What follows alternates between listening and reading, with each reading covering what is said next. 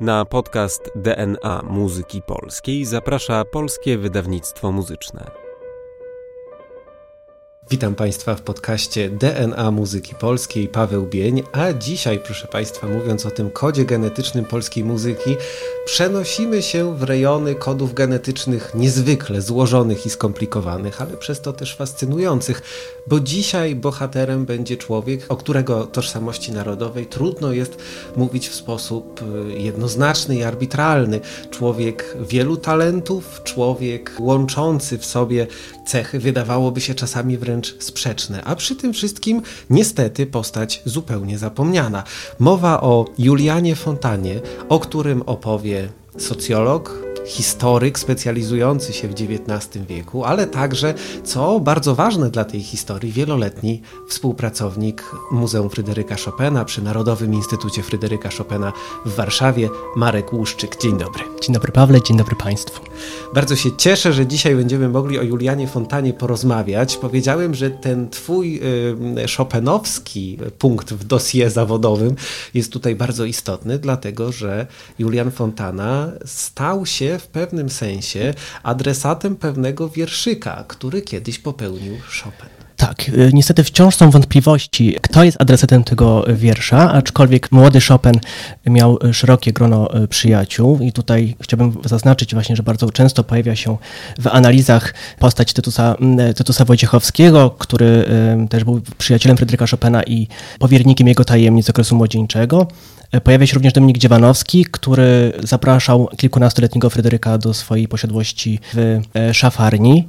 Z kolei Julian Fontana, przyjaciel w zasadzie do samego końca, doradca, sekretarz, kompozytor, uczeń, pozostaje do dzisiaj postacią zapomnianą i warto właśnie wsłuchując się w wiersz, który e, Fryderyk napisał, wspomnieć tę postać. To może teraz w takim razie hmm. przytoczmy ten wiersz, żeby już dłużej nie trzymać Państwa w tajemnicy. Oczywiście, już z pamięci y, przytaczam. Rzadką jest przyjaźń prawdziwa. Skąpo swych darów udziela. Co za szczęścia ten używa, kto mógł znaleźć przyjaciela. No, myślę, że Chopin był chyba jednak lepszym kompozytorem niż poetą, ale widzą, widzą Państwo tutaj, że jednak bardzo ważny jest ten element przyjaźni w życiu Fryderyka Chopina. Takim przyjacielem był Julian Fontana, ale zacznijmy od samego początku. To znaczy rozpoczynamy od y, Warszawy, od Warszawy początków wieku XIX, w której to żyje rodzina Fontanów. Rodzina bardzo ciekawa, bo wydająca w zasadzie co pokolenie jakiegoś y, wybitnego artystę czy działacza. Więc kim byli Fontanowie. Badacze e, jeszcze do niedawna spierali się, e, gdzie należy poszukiwać genealogii rodziny Juliana Fontany, aczkolwiek e, obecne wydanie korespondencji Fryderyka Chopina, wydawnictwa Uniwersytetu Warszawskiego, gdzie umieszczono bardzo rozbudowany biogram Juliana Fontany, podaje, że rodzina Fontanów wywodzi się z rodziny architektów włoskich, czyli to jest, jest długa historia. Fontanowie warszawscy przybyli do naszego kraju za panowania Augusta III i zajęli się kupiectwem. Julian Fontana wychował się w kamienicy, e, która mieści się vis-a-vis e, Zamku Królewskiego, więc w ścisłym centrum e, Warszawy. No i w latach dziecięcych miał okazję również poznać Fryderyka Chopina, uczęszczać z nim na zajęcia w Liceum Warszawskim oraz, co jest mniej znane, jako wolny słuchacz kompozycji, kursów kompozycji i kontrapunktu u Józefa Lysnera. Czyli mamy szkolnego kolegę Fryderyka Chopina. Czy coś więcej możemy powiedzieć na temat tej znajomości z czasów e, nauki w Liceum Warszawskim obu panów? Tak, wiemy, że panowie bardzo się lubili. Zresztą też odegrali wspólnie jeden, jedną z młodzieńczych kompozycji Fryderyka Chopina, Rondo Cedru, e, już z numerem opusowym pośmiertnym, opus 73, na dwa fortepiany. Utwór ten datowany jest na rok 1828, czyli Fryderyk miał wówczas 18 lat. Zresztą Julian Fontana, jego równo, rówieśnik, w zasadzie był był, zaangażowany w ten proces komponowania tego utworu i zagrał go razem z Fryderykiem e, Chopinem, więc to już dowodzi pewnej zażyłości, pewnego zaufania również, jakim e, Fryderyk obdarzył Juliana Fontana, ponieważ nie, nie jest to utwór e, prosty do zagrania. Zresztą Julian Fontana też nie miał formalnego wykształcenia muzycznego, ponieważ po pierwszym roku nauki u Józefa Elsnera jako 16-latek już w roku 17 roku życia przerwał tę naukę, zdecydował się powtórzyć szóstą klasę liceum i podejść do matury, czyli egzamen maturitas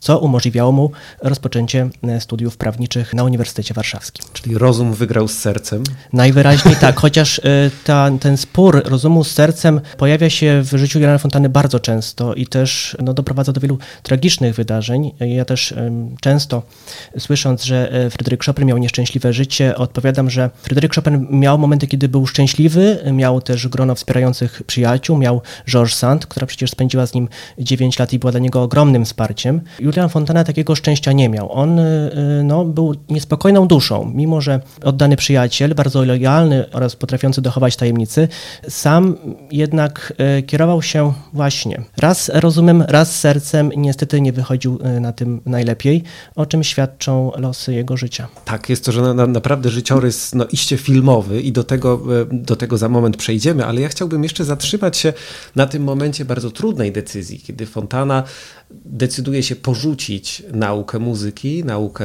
w warszawskiej szkole, e, po to, żeby zająć się jednak prawem.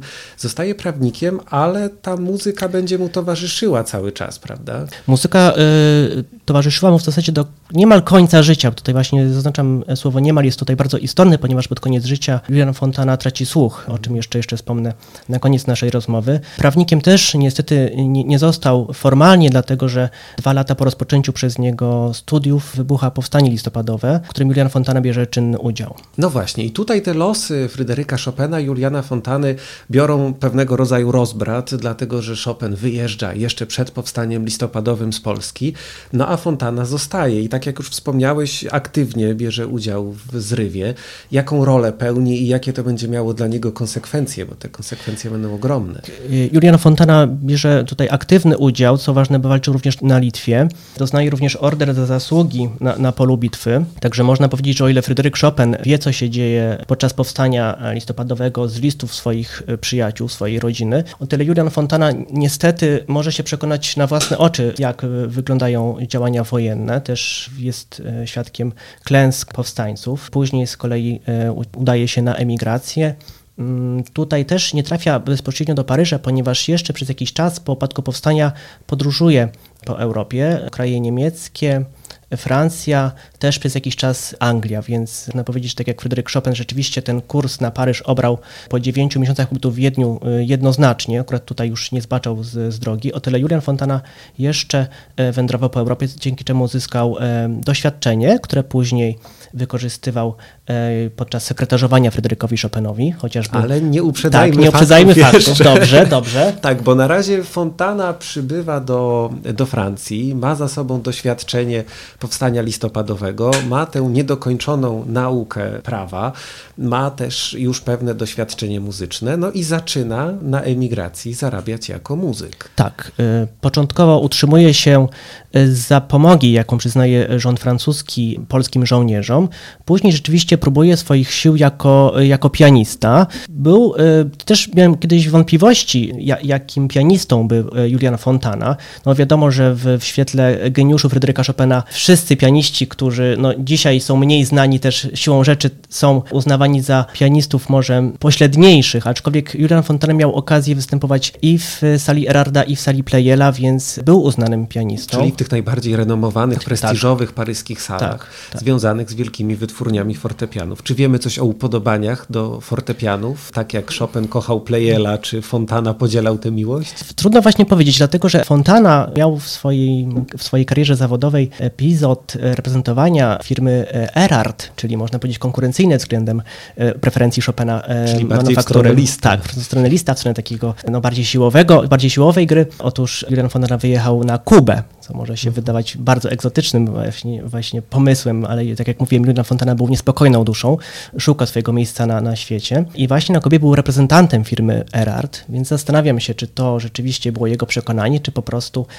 Erard zdecydował się nawiązać relacje z Fontaną jako y, bardzo dobrym negocjatorem oraz osobą, która ma dryk do sprzedaży dobrych instrumentów muzycznych, bo trzeba zaznaczyć, że Erard również produkował bardzo dobre fortepiany. Tak, i było wielu amatorów tych instrumentów. A czy coś wiemy o tym, jaki repertuar wykonywał Julian Fontana? Czy miał jakichś swoich ulubionych kompozytorów, poza oczywiście Fryderykiem Chopinem?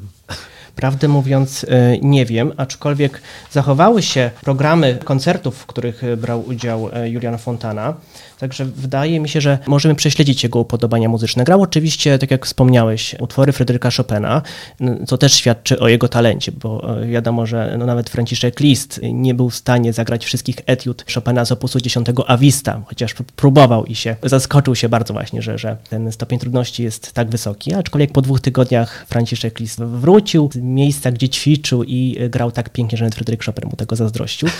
Aczkolwiek trzeba pamiętać właśnie, że e, Julian Fontana również e, grał utwory Chopina i mm, również przede wszystkim komponował własne utwory, które się przypomina na salach koncertowych również i dzisiaj, y, szczególnie w trakcie festiwalu Chopin jego Europa. Tak, i to jest rzeczywiście ciekawe, bo przez pewien czas Fontana mam wrażenie, że y, zniknął trochę z literatury muzycznej, zniknął z repertuarów koncertowych, teraz powraca i teraz możemy odkrywać te jego kompozycje. Zresztą kompozycje, myślę, że zgodzisz się ze mną, y, mocno w duchu chopinowskim, to znaczy rozpocznijmy może od nokturnów, gatunku ściśle kojarzonego z Chopinem. Tutaj Fontana też idzie podobnym tropem, bo przecież mamy takie arpeggiowe akompaniamenty w lewej ręce, prawa ręka prowadząca jakąś taką kantylenową melodię. Zdradziłeś mi jeszcze przed nagraniem, że, że, że z Fieldem ci się to skojarzyło, tak. ale Fielda grali nawet bohaterowie Tołstojowskiej Wojny i Pokoju, więc któż nie grał Fielda? Ja przyznam, że dla mnie na przykład wielkim zaskoczeniem, jeżeli chodzi o to kompozytorskie dosie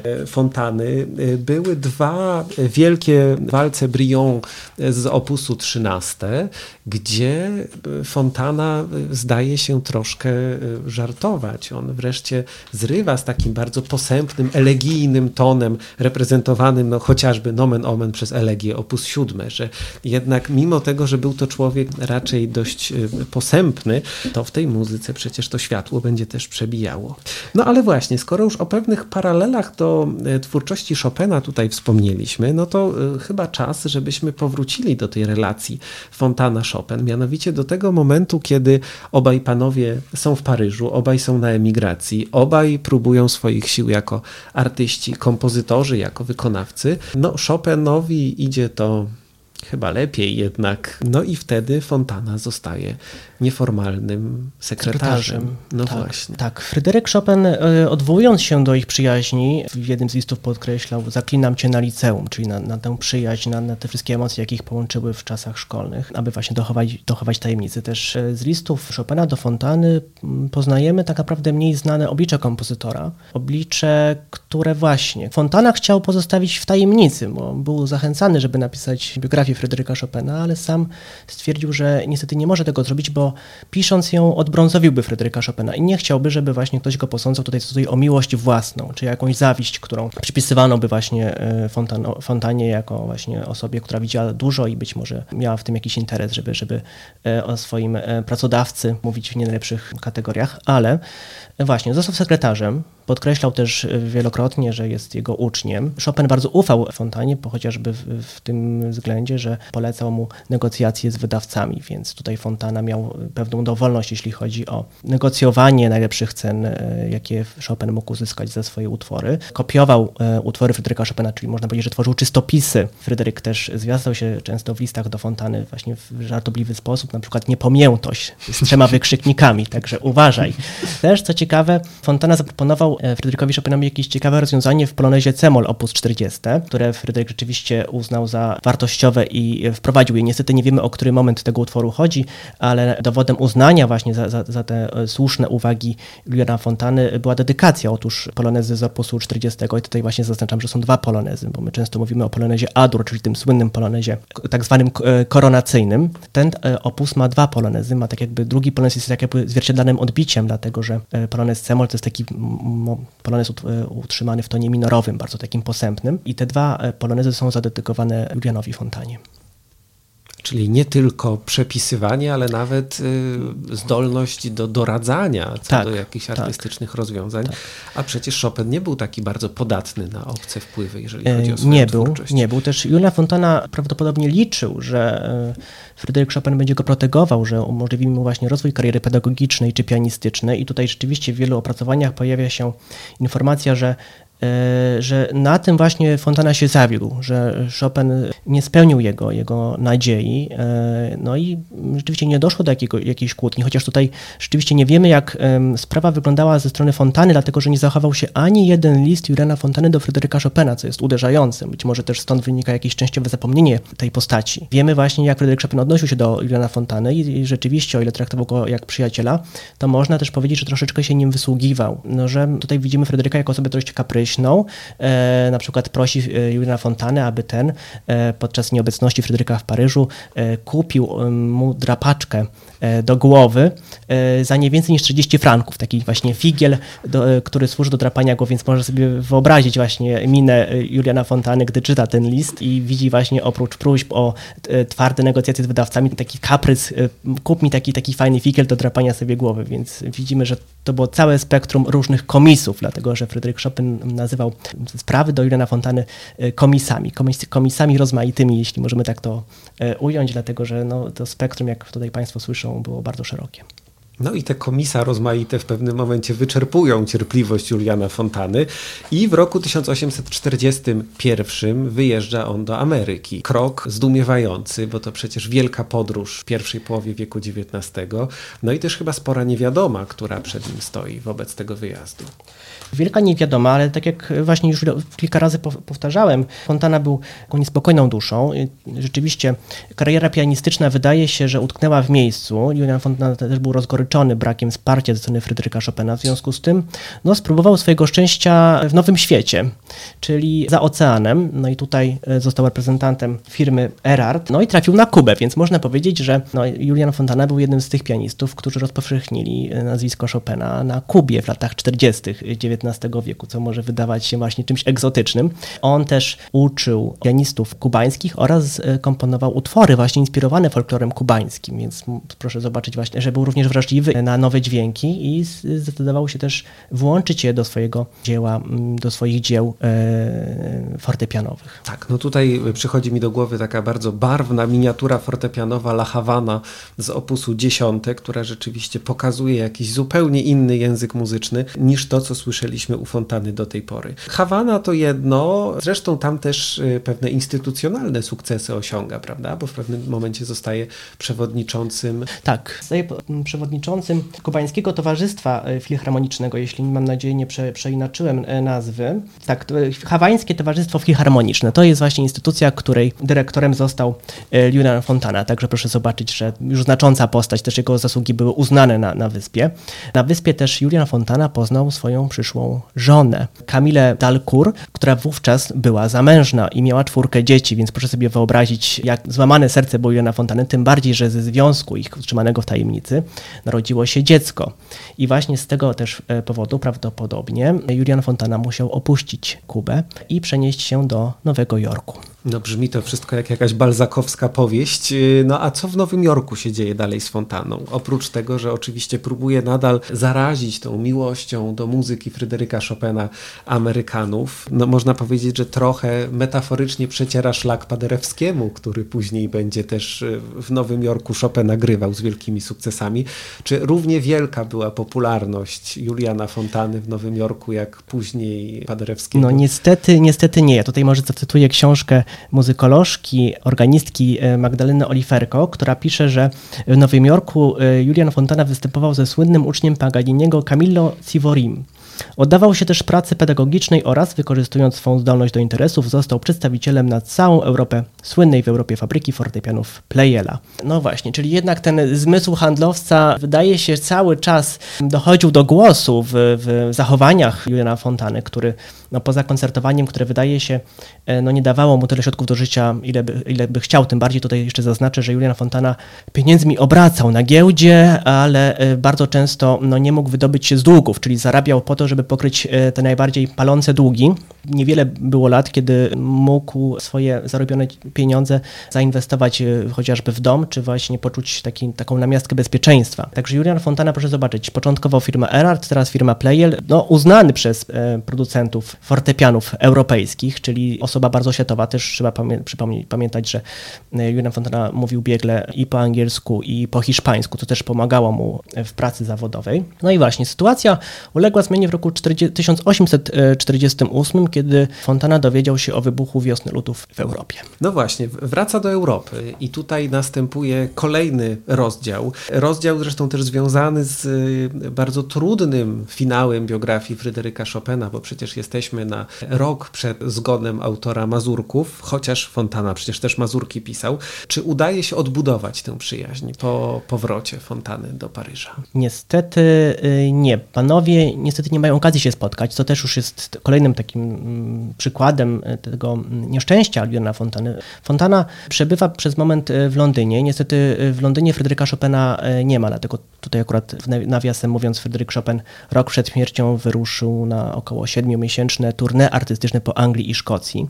Julian Fontana chciał do Fryderyka dołączyć, spotkać się z nim, porozmawiać, jednak w Londynie, gdzie, gdzie przyjeżdża, Fryderyka nie zastaje. Nasz kompozytor przebywa wówczas w Szkocji. Z kolei zachował się list Fryderyka Chopina do Juliana Fontany, w którym Fryderyk pokazuje taką bardziej konserwatywną e, twarz. Mówi, żeby Julian Fontana poczekał na rozwój wypadku, dlatego że to, co gazety piszą, to jest właśnie ugarstwo i że tak naprawdę władcy europejscy e, wcale nie chcą iść na ustępstwa względem rewolucjonistów i lepiej będzie, jeśli tutaj cytuję, Julian Fontana będzie siedział cicho i czekał po prostu na rozwój wypadków, co pokazuje też e, różnicę w temperamencie tych dwóch osób, prawda? I Fryderyk Chopin, który traktowany jest często jako pianista romantyczny, jako osoba, która właśnie e, skłonna jest do różnych uniesień, tutaj pokazuje takie bardzo, powiedziałbym, chłodne, konserwatywne, zachowawcze podejście, podczas gdy Julian Fontana, proszę zobaczyć, nasz podróżnik, ta właśnie niespokojna dusza. Powstaniec. Powstaniec, przecież. tak. Powstaniec, który widział, że wielka polityka bardzo wpływa na, na, na przebieg powstania, bo przecież powstańcy liczyli na poparcie Francji na przykład, którego, których,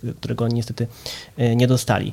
E, sam właśnie Julian Fontana jednak ten rewolucyjny zryw poczuł i chciał do Polski, na ziemię polskie właśnie, na ziemię polskie przybyć, co właśnie odradził mu Fryderyk e, Chopin. I właśnie dobrze, że też Julian Fontana posłuchał Fryderyka Chopina i został przez jakiś czas, początkowo w Londynie, później, później w Paryżu. No i niestety Fryderyk Chopin umiera, mając lat e, raptem 39. Umiera, zostawiając po sobie fantastyczny dorobek kompozytorski, ale dorobek, który nie jest w całości wydany. No i teraz e, potrzebni są ludzie, którzy będą mogli te nieznane dotąd szerszemu kręgowi odbiorców dzieła ogłosić drukiem. No i wśród tych ludzi jedno z kluczowych miejsc zajmuje Julian Fontana.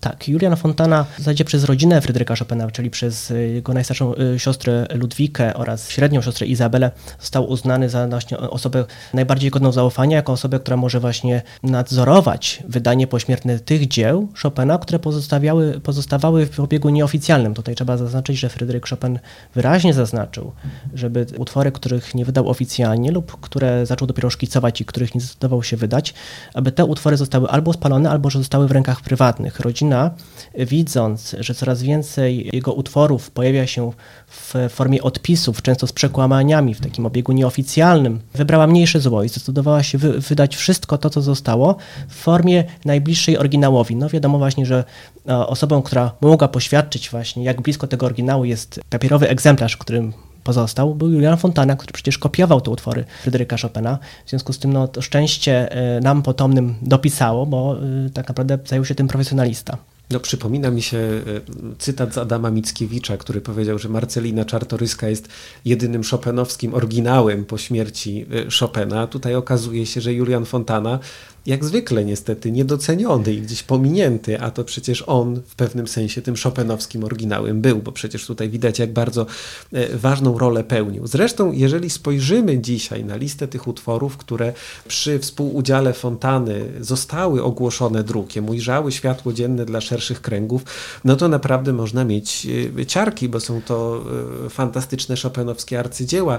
Trudno dzisiaj chyba wyobrażać sobie dorobek Chopina bez fantazji fantazji impromptu. Tak, i to jest small opus 66, prawda? I to jest to... tytuł, który nadał Fontana, Fantazja impromptu, prawda? Wszystkie utwory Chopina powyżej opusu 65 do opusu 74, który stanowią pieśni, to są właśnie te e, utwory, które były wydane pod nadzorem Juliana Fontany, więc Czyli o tym ży życzenia też byśmy nie pośpiewali bez Fontany. E, możliwe, żebyśmy pośpiewali, ale nie wiemy, czy w formie bliskiej oryginałowi, prawda? Nie wiemy też, e, no, czy by się zachowała, bo Juliana Fontana rzeczywiście tutaj wraz z Jane Stirling, szkocką uczennicą Fryderyka Fryderyka Chopina, nieszczęśliwie w nim zakochaną, dołożyli wszelkich starań, aby zdobyć te najbliższe oryginałowi wersje utworów. Czy Julian Fontana miał w swojej kolekcji dużo rękopisów chopinowskich? Wiemy coś na ten temat?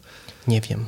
Niestety nie wiem. Niestety nie wiem. Wiem, że, że miał e, na pewno w kolekcji różne meble Fryderyka Chopina, które ten mu oddawał, albo no też wiemy, że Julian Fontana dostawał prezenty od, od e, Fryderyka Chopina, ale niestety nie zostało. E, niestety nie, nie, nie, nie mam tej konkretnych informacji. Na no nawet temat. gdyby nie był to rękopis, to mieć mebel od Chopina to tak, i tak bardzo tak, ładny prezent, tak, więc tak. tutaj akurat w tej kwestii Fontanie szczęście dopisywało. No ale chyba ta najtragiczniejsza część biografii dopiero przed nami, bo przechodzimy teraz do tego schyłkowego okresu życia Fontany, to znaczy momentu, kiedy e, traci swoją ukochaną żonę mm, po tym burzliwym romansie, no i niezbyt długim niestety małżeństwie. E, umiera jego ukochana, no a sam Fontana jest wtedy załamany. Tak, tutaj trzeba znowu przywołać postać Adama Mickiewicza, dlatego że mąż Kamili Dalkur zginął w wypadku kolejowym, skutek czego możliwe było małżeństwo Juliana Fontany z Kamilą. Niestety ich szczęście nie trwało długo, dlatego że w 1855 roku na pogrzebie Celiny Mickiewiczowej, tutaj też warto powiedzieć, że e, rodzina Mickiewiczów była zaprzyjaźniona z Fontanami, na pogrzebie Celiny Mickiewiczowej przeziębia się Kamila, która kilka dni później e, umiera wraz e, z dzieckiem, ponieważ była w zaawansowanej ciąży, więc tutaj proszę sobie wyobrazić rozpacz Juliana Fontany. Następnie dochodzi do zatargu z rodziną e, Kamili Dalcour, która nie pozostawiła testamentu. Rodzina odbiera dzieci z pierwszego małżeństwa oraz syna, którego miało z, właśnie z Kamilą już jako pełnoprawny małżonek Julian Fontana. Zabiera wszystkie dzieci, oddaje pod opiekę pierwszemu mężowi Kamili. Sam Fontana zaś zostaje e, sam. Gra na giełdzie jednak e, bez sukcesu. W latach 60. zaczyna zajmować się pisarstwem. No właśnie, to jest bardzo ciekawy etap jego twórczości, bo tutaj, podobnie jak w przypadku muzyki, z jednej strony tworzył, z drugiej strony e, odtwarzał, a tutaj, jeżeli chodzi o prace e, literackie, z jednej strony był autorem własnych dzieł, a z drugiej strony e, zajmował się też przekładami. Tak, życiorys Leona Fontany można by podzielić na kilka osób. Proszę zwrócić uwagę, że to powstaniec, że to działacz wielkiej emigracji, że to kompozytor, że to przedsiębiorca, sekretarz, również osoba no, o wielkim sercu. Teraz pojawia nam się właśnie Julian Fontana jako pisarz i pisarz y, też ponadprzeciętny, dlatego że przede wszystkim też rozpiętość tematów, które podejmował jest dość duża, dlatego że napisał dzieło Astronomia Ludowa, czyli rzecz właśnie o astronomii. Zresztą y, Książeczkę tę można przeczytać na portalu polona.pl, jest dostępna. Napisał również ciekawe, ciekawe dzieło, mm, kilka uwag o pisowni polskiej, o którym z uznaniem wypowiadał się e, Cyprian Kamil Norwid. E, Julian Fontana ogólnie rzecz biorąc był za uproszczeniem języka polskiego. Na przykład zamiast szedł e, postulował, żeby zapisywać tak jak się mówi, czyli szedł żeby maksymalnie uprościć. No i myślę, że największym e, dziełem Fontany w zakresie właśnie tej działalności pisarskiej, tutaj byśmy powiedzieli translatorskiej, e, było spolszczenie Don Quixota Cervantesa. Ponad tysiąc stron, wiele lat pracy. W tłumaczeniu, w tym przykładzie e, Julian Fontana wykorzystał właśnie postulowane przez siebie uproszczenia gramatyczne oraz ortograficzne, w związku z czym nie znalazł wydawcy dla e, ukończonej pracy. To dzieło pozostało właśnie w, w jednym egzemplarzu, który niestety spłonął podczas II wojny światowej, także nie wiemy, jakie konkretnie rozwiązania Julian Fontana, Julian Fontana wprowadził, no i też widzimy, że tutaj pech dosięgnął go po śmierci. No tak od razu, jak powiedziałeś o tych uproszczeniach, to pomyślałem sobie o tym, jak bardzo polscy futuryści byliby zakochani w Julianie Fontanie, gdyby udało się wydać tego Don Quixota w tej wersji uproszczonej, w tej wersji fonetycznego zapisu. Patrząc na tę niezwykłą rozpiętość tematyczną jego prac, no bo rzeczywiście od pisowni polskiej po ludową astronomię, no nie są to tematy, których spodziewalibyśmy się po pianiście, kompozytorze i niedoszłym prawniku. Przypominają mi się też prace pisarskie sióstr Chopina, które też przecież prezentują niezwykle zaskakujące wędrujące spektrum tak, tematyczne. Tak. Więc y, może to też jakiś rodzaj ducha epoki, który tutaj. Proszę też zwrócić uwagę właśnie, że mimo faktu, że wokół Chopina, wokół najbliższych, wśród najbliższych Chopina było bardzo dużo osób o talencie pisarskim, jednak te osoby pozostały dyskretne i mało o Fryderyku Chopinie wiemy z, spod ich pióra. Tak naprawdę no, sam, po, poza Georges. Poza Georges, która też część listów od Chopina spaliła, prawda? Więc y, mało tego, czy znaczy mało w kontekście tej ilości, liczby listów, które, które y, spaliła. Wie wiemy. No i sam Julian Fontana właśnie, który właśnie o dziwo pozostawał bardzo lojalny względem Fryderyka, mimo że no już w pewnym momencie mówił, że Fryderyk potraktował go niesprawiedliwie i że był wobec niego nieszczery, to jednak pozostał dyskretny. No i też też tak jak wspomnieliśmy, nie pozostał ani jeden list do dnia dzisiejszego, który napisał e, Fontana do Fryderyka Chopina, chociaż troszeczkę wglądu dają nam listy Fontany do e, Stanisława Egberta Koźmiana, czyli tłumacza języka, e, tłumacz, tłumacza Szekspira na język polski XIX-wiecznego. W jednym z listów Julian Fontana prosi Koźmiana o to, żeby opiekował się Chopinem podczas jego nieoficjalnej wizyty w Londynie, takiej dwutygodniowej, więc no, też wyjaśnia mu, dlaczego otóż Fryderyk chciał pozostać anonimowy, chciał zaznać życia w wielkim mieście, troszeczkę się pobawić. Właśnie Julian Fontana był tym, któremu Fryderyk powierzył organizację całego przedsięwzięcia. Zresztą Chopin nazywał e, Fontanę Anglikiem, e, również i z tego powodu, że Fontana przez kilka lat mieszkał w Londynie i też wiedział, jak ubierają się Brytyjczycy, a trzeba zaznaczyć, że e, to właśnie Anglia nadawała ton modzie tamtych czasów, co właściwie wydaje się dziwne, zważywszy na tą francuskojęzyczność, prawda, elit europejskich. Tak, tak, tak. No, Julian Fontana jawi nam się tutaj trochę jako taki James Bond XIX wieku, szopenowski agent do zadań specjalnych, no ale niestety są trudności, z którymi nie był w stanie sobie poradzić i teraz docieramy już do tego smutnego finału życia Juliana Fontany, bo mimo tego, że to tak bardzo barwny e, życiorys, no to kończy się w sposób okrutny, bo kończy się strasznym załamaniem i samobójczą śmiercią w Wigilię roku 1860 tak. Tak. Co doprowadziło Fontanę do takiej skrajności? Tutaj wydaje się, że takim ostatecznym ciosem była przegrana sprawa w sądzie i odebranie mu praw do opieki nad dziećmi. Nieudana inwestycje na giełdzie, które pozbawiły go środków do życia. W liście, który wysłał właśnie w jednym z ostatnich listów, powołuje się na to, że żyje z kapitału, jaki matka, czyli zmarła Kamila pozostawiła swojemu synowi e, z, z Fontaną i Fontana właśnie nie mógł znieść tej świadomości, że tak naprawdę żyje na, na koszt swojego syna. W związku z tym no, widzi tylko jedyne rozwiązanie i 23 e, grudnia 1869 roku, a więc w wieku 59 lat popełnia samobójstwo. No i traci słuch przed tym jeszcze. Traci prawda? słuch przed, więc tak, więc już ta muzyka znika. muzyki. Tak, tak, tak. tak. No trzeba jednak, e, tak, zwróćmy też uwagę może na takie bardziej żartobliwe e, sformułowania, jakim, jakie, jakich używa Fryderyk Chopin w listach do Fontany, dlatego że e, Chopin daje się poznać w listach do Fontany jako osoba bardzo dowcipna, nieszczędząca kąśliwych uwag pod adresem różnych osób z otoczenia Fontany i Chopina.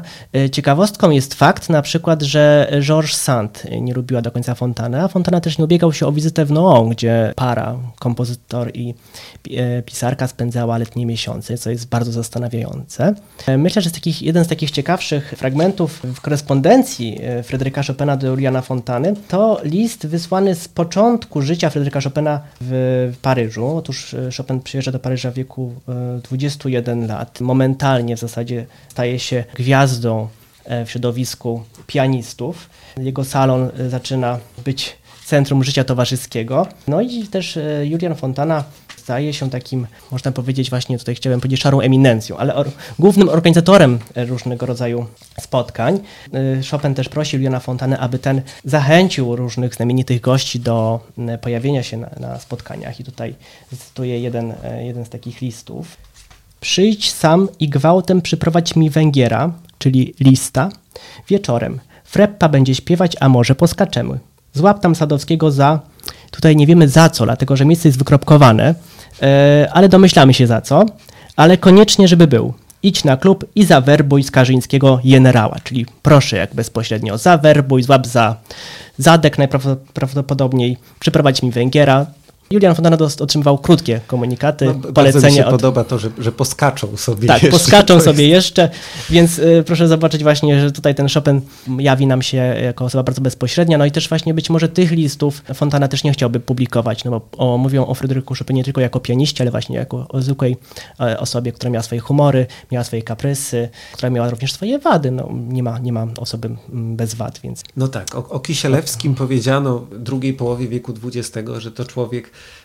wielu talentów, ale żadnego wybitnego. To taka bardzo cierpka diagnoza. Czy ośmieliłbyś się tak powiedzieć o Fontanie, że to człowiek wielu talentów, ale żadnego wybitnego? Mm. Czy jednak jest w nim coś, co tutaj na plan pierwszy się wysuwa i co mm, wydaje powoduje, mi się, że ta barwna postać jest tak bardzo wyjątkowa? Wydaje mi się, że nie, nie powiedziałbym, że e, Julian Fontana nie miał wybitnego talentu, ale wydaje mi się, że bardzo utrudniało mu życie, utrudniała mu życie taka tendencja do zmiany miejsca zamieszkania, czy taka właśnie niespokojność charakteru, którą wydaje się, że można zauważyć już w okresie warszawskim, chociażby przez to, że Fontana jako wolny słuchacz chodził na kursy Józefa Elsnera i dopiero po roku zdecydował się powtórzyć szóstą klasę, żeby zdać na, na uniwersytet. Ta chęć podróżowania, chęć rozwijania się na wielu polach powodowała, że y, Fontana tak naprawdę nie miał możliwości wyspecjalizowania się w jednej dziedzinie. Wiadomo też, że gra na giełdzie jest bardzo ryzykowna, więc to, to też, e, też było ryzyko, które wziął na siebie e, być może za bardzo ufny w przewidywania analityków giełdowych, czy może własne przewidywania. Więc ja bym powiedział, że po prostu Fontanowi zabrakło czy cierpliwości, na pewno też szczęścia, bo choroba jego żony rzeczywiście była zdarzeniem tragicznym. Więc to jest zbieg i e, okoliczności, też niefortunne wybory. No, trzeba tutaj podkreślić, że no, życie Fontany właśnie nie było usłane różami i że kiedy porównujemy je z życiem Chopina, to jednak widzimy, że no, Fryderyk Chopin miał to szczęście, że wychował się w bardzo wspierającym środowisku, że e, we Francji był uznany już za życia, że miał grono przyjaciół, które, które go wspierało w, w trudnych chwilach, również pod koniec e, życia, kiedy, kiedy już nie miał pieniędzy na opłaty za mieszkanie. Fontana z kolei no, umierał w samotności. Wydaje się, że właśnie ten list, który wysłał do, do przyjaciela, informując go o, o planie popełnienia samobójstwa, już jest takim krzykiem rozpaczy. Więc powiedziałbym, że to po prostu jest nieszczęśliwa biografia. No to mam nadzieję, że trochę szczęścia y, dodamy Fontanie poprzez y, przypominanie o jego niezwykłym życiu i o jego wspaniałym dorobku, y, nie tylko intelektualnym, ale także tym dorobku kompozytorskim, który dzisiaj jest odkrywany, jest nagrywany wreszcie, co, co też warto tak. tutaj podnieść, że nie tylko w salach koncertowych, ale i w studiach pojawia się Fontana. Można rejestrację jego utworów słuchać Y, utworów, y, no powiedziałbym może niezbyt wybitnych, ale na pewno bardzo ciekawych i tutaj też cały czas gdzieś grawitujących w tej stylistycznej orbicie Fryderyka Chopina, co też jest chyba ciekawym doświadczeniem usłyszenia Chopina w pewnym audialnym tak. kontekście tak. tego, co dookoła się działo. Tak więc, szanowni państwo, DNA muzyki polskiej jest bardzo skomplikowane i Julian Fontana jest fantastycznym tego przykładem, bo przecież mamy artystę polskiego o korzeniach włoskich, który który mieszka nie tylko na emigracji we Francji, ale także w Anglii, a nawet dociera na Kubę i do Nowego Jorku po to, by nie tylko komponować, nie tylko animować życie artystyczne i propagować muzykę, między innymi swojego przyjaciela Chopina, ale także pisać o ludowej astronomii, czy nawet e, spolszczyć dzieła Cervantesa w swojej autorskiej odmianie języka polskiego. Tak więc widzimy tutaj postać szalenie e, barwną. Bardzo dziękuję dziękuję Markowi Łuszczykowi za tę y, rozmowę. Dziękuję Pawle, dziękuję Państwu. Dziękuję bardzo. Wydawcą podcastu DNA Muzyki Polskiej jest Polskie Wydawnictwo Muzyczne. Zapraszamy na kolejne odcinki oraz do śledzenia naszych mediów społecznościowych.